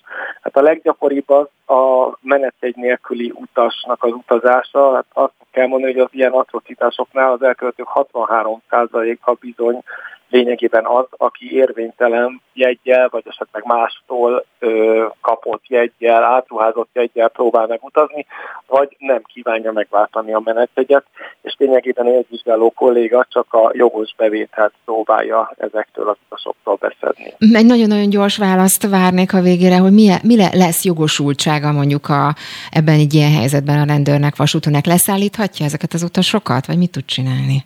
Igen, mindenképpen arra tud segítséget adni a jegyvizsgáló kollégának, hogy az utazási feltételeket betartassa, és jegy nélkül vagy úgy olyan viselkedéssel, amivel a többi utast épségét vagy a kolléga épségét zavarja, nem maradhasson a vonaton. Váci Viktornak, a Mávinfam sajtóügyeletesének köszönöm szépen, viszontlátásra minden jót. Én is köszönöm, viszontlátásra. Aktuál. Friss hírek, információk, beszélgetések. A Spirit FM reggeli műsora. Indítsa velünk a napot, hogy képben legyen. A mikrofonnál Lampi Ágnes. December 3-a a fogyatékkal élők nemzetközi napja. A pandémia időszaka mindenkinek új kihívásokat hozott. Hogyan élték ezt meg a velük foglalkozó szervezetek? Beszélhetünk-e szakember hiányról ebben a szektorban?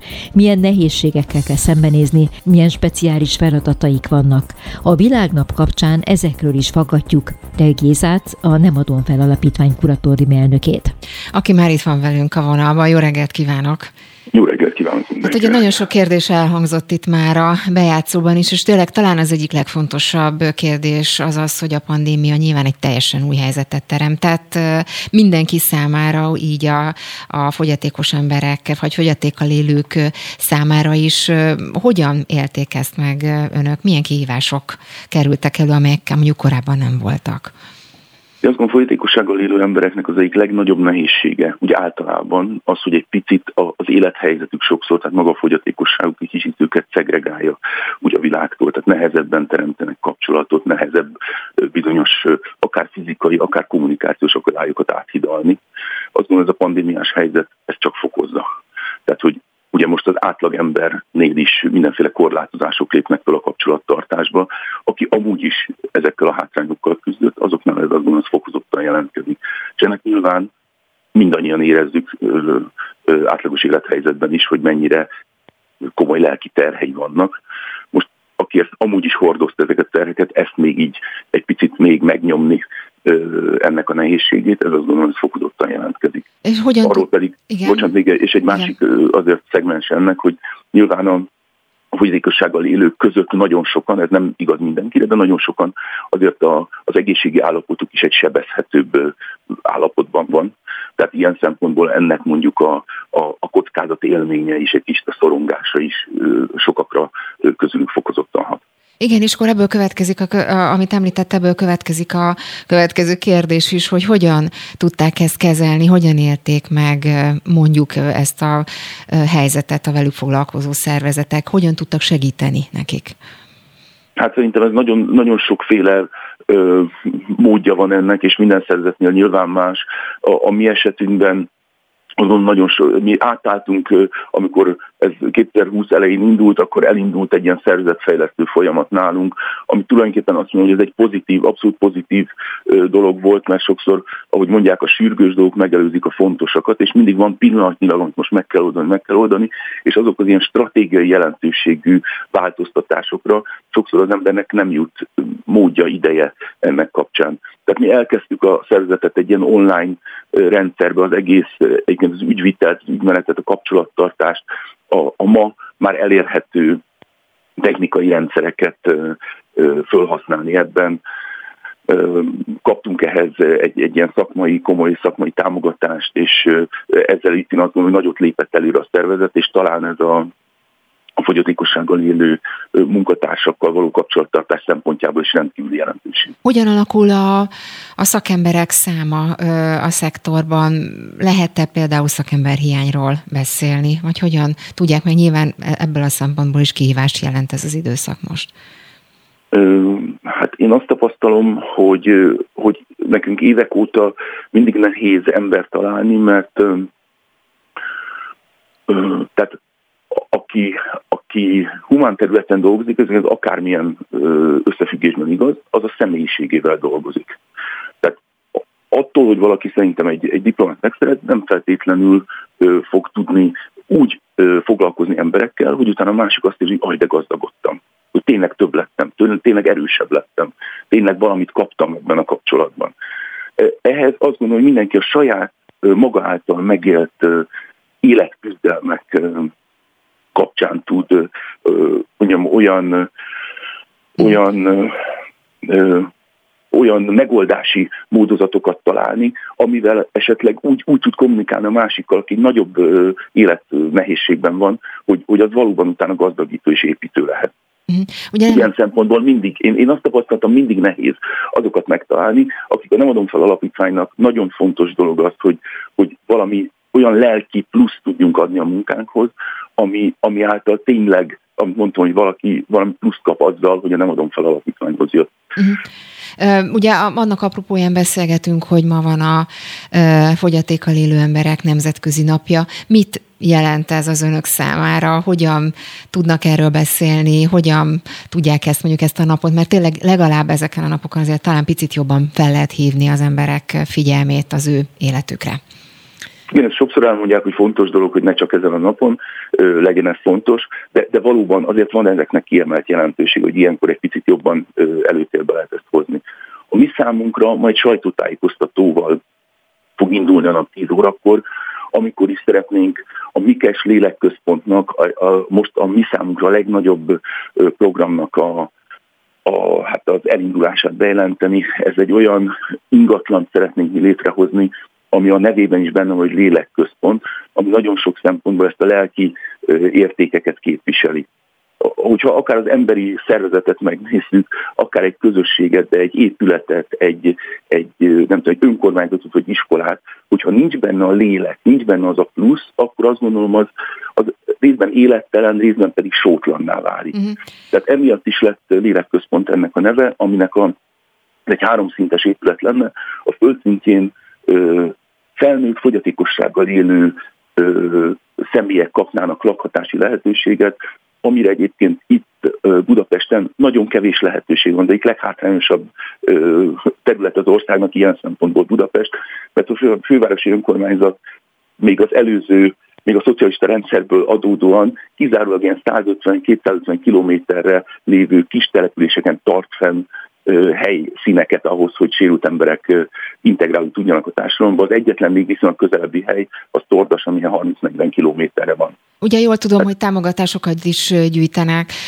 Ide adományozni lehet önöknek? És ha igen, akkor hogyan? Igen, igen, azt gondolom a honlapunkon a, a minden fönt van ezzel kapcsolatban, még annyi az emeleten autista gyerekeknek lenne a fejlesztő központja, ami szintén az a fajta szemlet, az a fajta ilyen család, az egész családot támogató szemlet, hogyan ez megvalósul a léleközítő központ, az az különleges, és az, a legfelső szinten, a tetőtérben pedig vidéki határon túli családokat, szakembereket szeretnénk fogadni, hogy be tudjanak kapcsolódni a léleköntőnek a rendszerébe, a munkájába. Most is van két olyan családunk, aki Erdélyből átköltözött Magyarországra. Egyszerűen amiatt, mert autizmussal uh-huh. született gyermekük, és, és ott nem volt megfelelő ellátás. Uh-huh. De elég Gézának a Nem adom fel alapítvány kuratórium elnökének. Köszönöm szépen az információkat, és sok sikert a kezdeményezésükhöz. Minden jót kívánok, viszontlátásra! Minden jót! Spirit FM 92.9 A nagyváros hangja Szemléletformáló kampányt indított a Szerencsejáték ZRT, személyes, inspiráló történeteken keresztül mutatják be a befogadás történeteit, és csatlakozásra hívják az embereket a mindennapokban egy aktív cselekvő közösségbe. A kampány főszereplői többek között Illés Vanni paralimpikon és Barabás Lőrinc trombita művész, aki a reklámfilm zeneszerzésben is közreműködött. Így van, erről beszélgettünk Bánhegyi Zsófiával, a Szent Sáték ZRT marketing és kommunikációs igazgatójával. Jó reggelt kívánok! Szervusz, szeretettel köszöntöm a hallgatókat is. Ugye arról beszéltünk, vagy arról volt szó itt a bejátszóban, hogy szemléletformáló kampányt indította a Szerencsejáték ZRT. Hogyan kell ezt elképzelni? Mert hogy tényleg valóban ez lehet a kulcs, hogy a szemléleten kell változtatni, hogyha a fogyatékos emberekről beszélünk. Egy nagyon fontos napot is ünneplünk ma ezzel kapcsolatban, ugye és ma van a fogyatékossággal élők világnapja, úgyhogy nem is lehetne aktuálisabb, hogy erről beszélünk. Azt tudni kell, hogy a Nemzeti Lottótársaság közel 20 éve vállal aktív szerepet a fogyatékossággal élők befogadása kapcsán, és ekkor indult el sorsegyárus hálózatunk, ahol csak megváltozott munkaképességű kollégáim dolgoznak, és jelenleg is az én munkatársaim 10%-a fogyatékossággal él. Azonban szerettünk volna tovább lépni, és nem csak foglalkoztatás vagy széleskörű programok indításával támogatni az ügyet, hanem, ahogy te is említetted, szemléletformálással. És miért is fontos ez? Azért, mert a mindennapokban a fizikai akadályok lebontása mellett nagyon fontos, hogy a gondolatokban is elérjük a akadályok lebontását, és a befogadás szemléletét mindenki magáinak tudhassa ezek a személyes példák, amelyeket említettél, közel hoznak minket ahhoz, hogy megértsük, hogy a fogyatékossággal élő emberek a mindennapokban sikeresek lehetnek, beilleszkednek, de itt feladatuk van az épeknek. Uh-huh.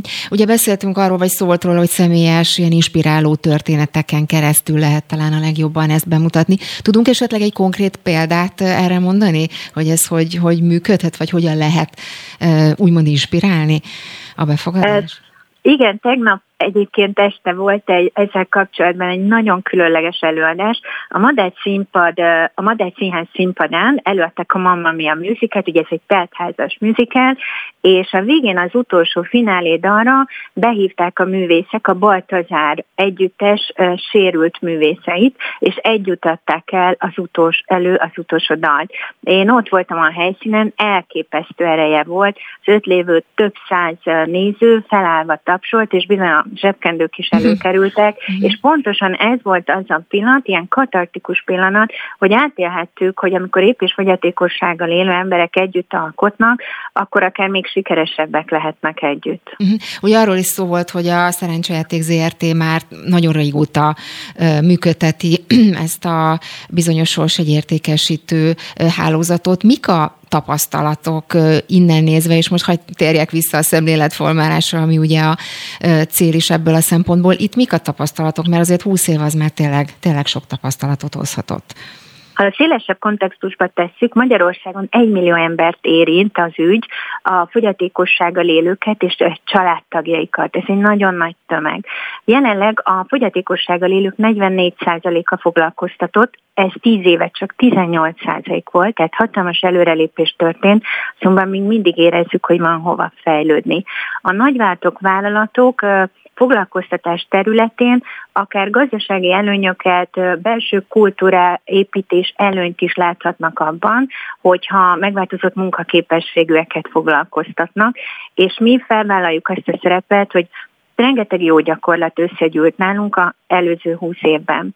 És szeretnénk ezt megosztani a példák bemutatásával, a foglalkoztatási jó gyakorlatok bemutatásával, és nem csak a szélesebb közvéleményt hívni, hogy tartsanak velünk egy akadálymentes jövőt, hanem konkrétan a vállalati szektort a foglalkoztatás területén. Igen, ez egy nagyon jó, hogy, ezt, hogy ez előkerült maga a vállalati szektor, mert hogy a szerencsejáték ZRT ezek szerint az elsők között vállalhatta ezt föl. Miért, hogyan alakult ez, miért volt ez? Ugye kezdet kezdetek kezdetén fontos a cégnek, és hogyan lehet persze más cégeket mondjuk akkor így fogalmazok inspirálni arra, hogy akár így működjenek, vagy ilyen kezdeményezéseik lehessenek? A szerencsejáték iparág egy olyan szektor, ahol adja magát, hogy megváltozott munkaképességűeket tudunk foglalkoztatni. Európa szerte ez a nemzeti lottótársaságok egyik fő jellegzetessége. A mi munkánkat nagyon sokban segített egyébként a spanyolországi vakok szervezete, ahol 11 ezer vak és látássérül árul lottót a mindennapokban, és például mi az ő jó gyakorlataikat használtuk fel. Mi azt látjuk, hogy a kollégáink ugyanannyi nyílt piaci körülmények mellett dolgoznak, mint épp kollégáim, és a mindennapokban is a belső kultúrában, a belső rendezvényeken részt vesznek, és volt egy érdekesség, hogy mennyire hat a belső kultúrára az, ha megváltozott munkaképességüket foglalkoztat egy vállalat. Mi felmértük a belső elégedettséget, és a top három vonzó dolog, amiért szeretnek itt dolgozni a kollégáim. A top három között szerepelt az, hogy megváltozott munkaképességűeket foglalkoztat a cég, és hogy így, így fordul ez a sérült emberek csoportjához. Ez nálunk egy nagyon nyílt és befogadó közösséget teremt a mindennapokban, és hozzájárul ahhoz, például én, vagy épp, épp kollégáim motiváltsága, elköteleződése a vállalat irányában nagyobb. Uh-huh.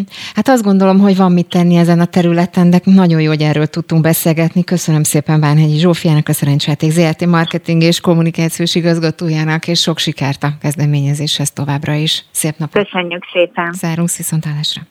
Szervusz! Spirit FM 92.9 A nagyváros hangja és akkor ígértem önöknek, hogy beszélünk arról, hogy mi mindent jelentett be, vagy nem jelentett be Orbán Viktor ma reggel a Kossuth Rádióban, Csuha Ildikóval, az ETV főmunkatársával beszélgettünk erről. Szia, Ildi, jó reggelt kívánok! Szerbusz, jó reggelt kívánok a hallgatóknak. Hát néztem az első híreket, itt azt emelték ki a legtöbben, hogy Orbán Viktor azt mondta, hogy a kormány mindenkit meg fog keresni személyesen a harmadik oltás miatt. Ezek szerint ez volt az egyik legfontosabb bejelentés?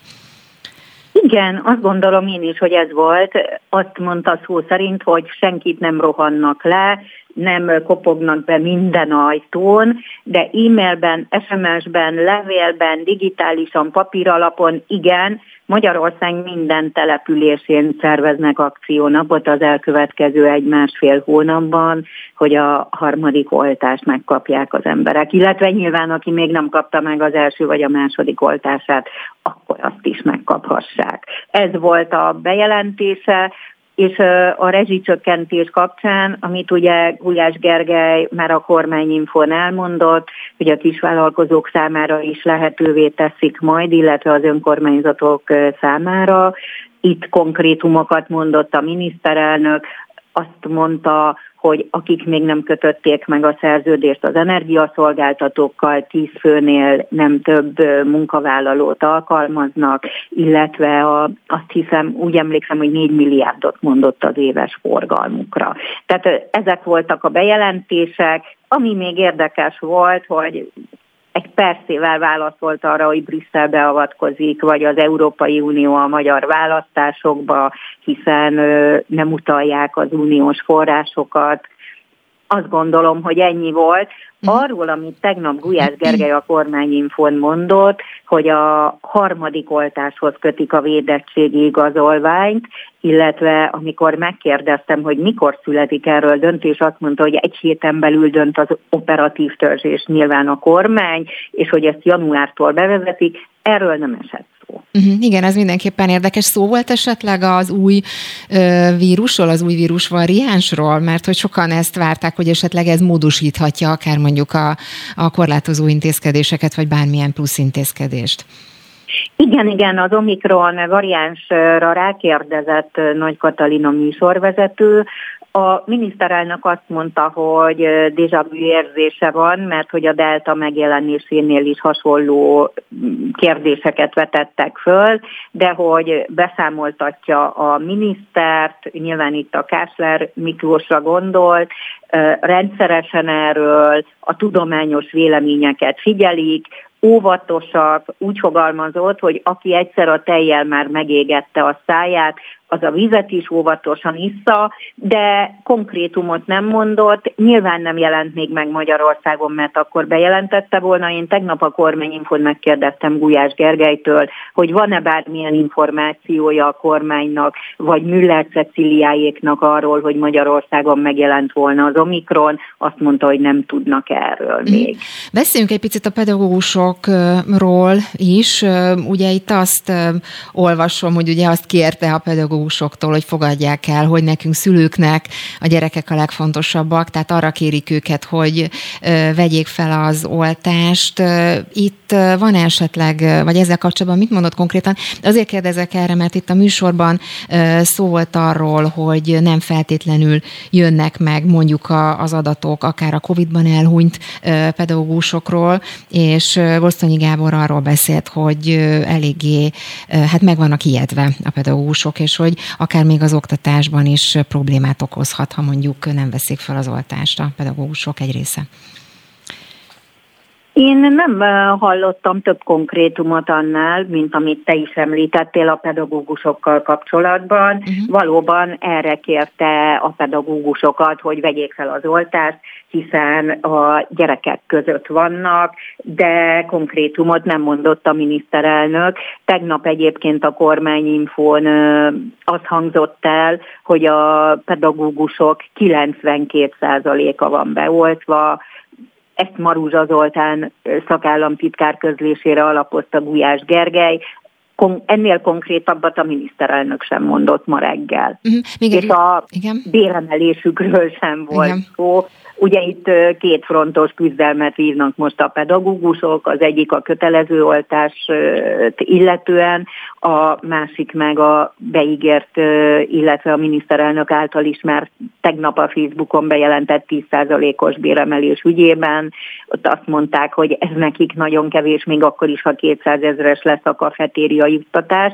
Illetve ezzel kapcsolatban, de ez ma a műsorban nem hangzott el reggel a Kossuth Rádióban, viszont tegnap a kormányinfón az egyik kollégánk megkérdezte, hogy miért van különbség a közalkalmazotti státuszban dolgozó pedagógusok esetében a kötelező oltásnál, illetve aki a magánszektorban vagy egyházi iskolákban tanít, hiszen ott nem kötelező az oltás.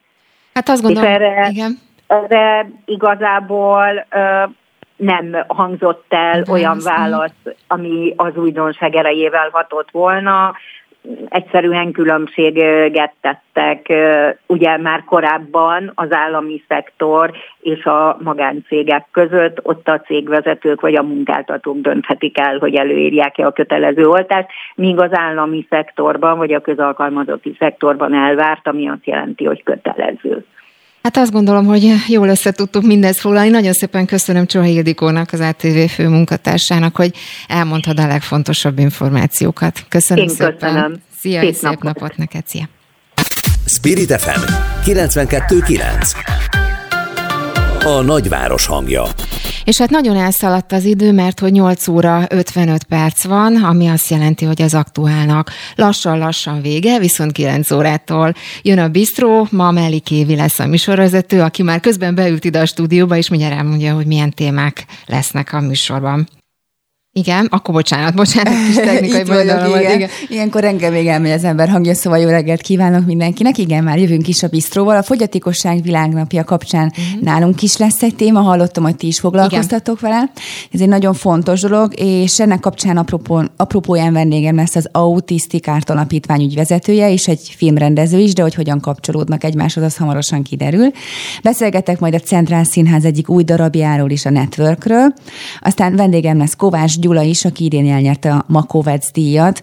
Elő, csak annyit árulok erről, hogy egy olyan gyümölcsészről beszélünk, akinek több mint három és fél ezer gyümölcsfája van. Egész Azt elképesztő. Az igen. igen. Szóval csak azokat gondozni, el sem tudom képzelni, mennyi meló lehet. És a végén érkezik hozzánk a stúdióba Hangácsi Máton is, aki utcazenészként kezdte, de hogy hol tart most, azt majd ő elmeséli nekünk. Hú, ez nagyon izgalmas, és tényleg, hogyha már a, ugye szó volt az adásban is a, a fogyatékkal élőkről, itt Mire, mi lesz a fő csapás irány ezzel kapcsolatban? Esetleg a COVID helyzetről beszéltek, mert itt adásban például ez szólt, hogy ez milyen kihívásokat hozhatott mondjuk ezeknek az embereknek, vagy esetleg más szempontokat vesztek figyelembe? Más szempont lesz, az aktualitását az adja, hogy készült egy kampányfilm az autiz, autizm, autizmussal élőkért. Ez egy érzékenyítő film, és ennek kapcsán lesz itt a rendező, illetve az alapítvány ügyvezetője, hogy hát kérdezem majd többek között őket arról, hogy miért fontos, hogy ilyen filmet készítsenek. Egyáltalán az emberek mennyire vannak képben azzal, hogy mi is maga az az autizmus, mert ugye ez egy láthatatlan dolog. Sokszor nem látjuk kívülről, nincsenek jelei, és ezért nagyon nehéz ezt elfogadni. Úgyhogy ennek a témával kapcsolatban lesz egy beszélgetésünk, és a film is ezért készült el Grillus Dorkával többek között. Ja, tényleg ő is szerepel benne, ez jó is, hogy mondod. Igen, mert hogy pont itt ez volt a fő kérdés ma is ennek apropóján, hogy hogyan lehet talán egy ilyen nap apropóján felhívni az emberek figyelmét arra, hogy, hogy figyeljenek oka, és mondja az autizmusra, szoktak nem is nehéz észrevenni magát a, a betegséget is. Abszolút nehéz, igen, mert hogy külső jelei nincsenek, ez nem egy testi fogyatékosság, hanem, hanem egy, egy zavar. Uh-huh. Na hát akkor azt gondolom, hogy izgalmas adás lesz, úgyhogy mindenkit arra bátorítok, hogy akkor 9 órától is hallgassa a Spirit fm mert hogy kezdődik a bistró, tehát Melikévi lesz a műsorvezető. Az aktuál pedig már a véget ért, a, a műsor elkészítésében Tóró Nikolett segített, a szerkesztő Vogyerák Anikó volt, én pedig önöknek nagyon kellemes szép hétvégét kívánok, és hétfő reggel 7 órakor újra találkozunk. Köszönöm szépen a figyelmüket, Lampi Ágnes hallották.